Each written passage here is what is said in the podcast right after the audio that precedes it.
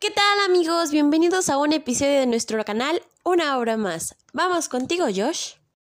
Así es, querida Moni. Hoy les traemos una obra del autor Eduardo Ruiz Correa llamada De quedarse. Esperemos que sea de su total agrado. Vamos a ella.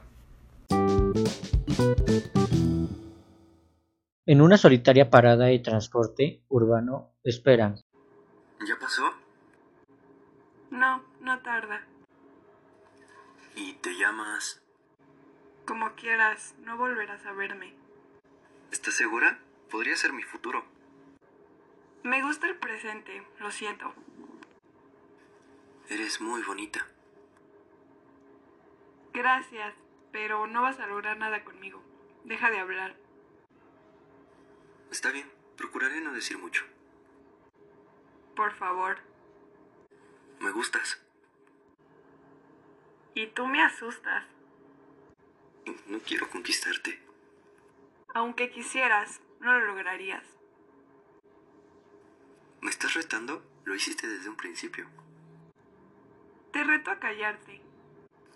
Puedo hacerlo si tú lo haces también. Idiota, ya habla. ¿Qué esperas? No te hagas el mudo. Por dentro te mueres por hablar, por seguir diciendo estupideces. Se le dice estupideces a una estúpida. Pendejo. El transporte urbano aparece. Se detienen. Él y ella se quedan inmóviles, sin decidirse a subir. Al fin. Súbete. Hazlo tú. Tú, idiota.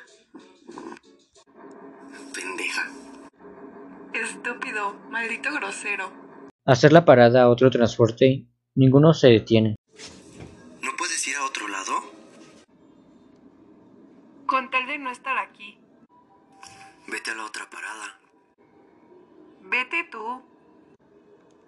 Nos encontraríamos arriba del microbús, tonta. No me hables. No quiero hablarte. Cállate. Me callo, habladora. Silencio tenso en que no se soporta la presencia del otro. Mejor me voy. No, mejor me voy yo. Oh, espero que les haya gustado. Asimismo, agradecemos su atención y la colaboración de los siguientes personajes. Como ella, tenemos a Rosa Isela López Jaimes. Como él, tenemos a. Jordan Díaz Luis Alejandro. Como nuestro narrador, tenemos a. Hernández Sánchez Juan Carlos. Y de su locutor, Joshua Hernández Vázquez. También de un servidor, Evia Campuzano Mónica. Y por último, de nuestro compañero Hernández Valderrama Shudani Naidelin con su participación en sonido. Bueno, esto sería todo por el día de hoy. Nos vemos en el próximo episodio de su estación favorita. Una obra más. Hasta, la, próxima.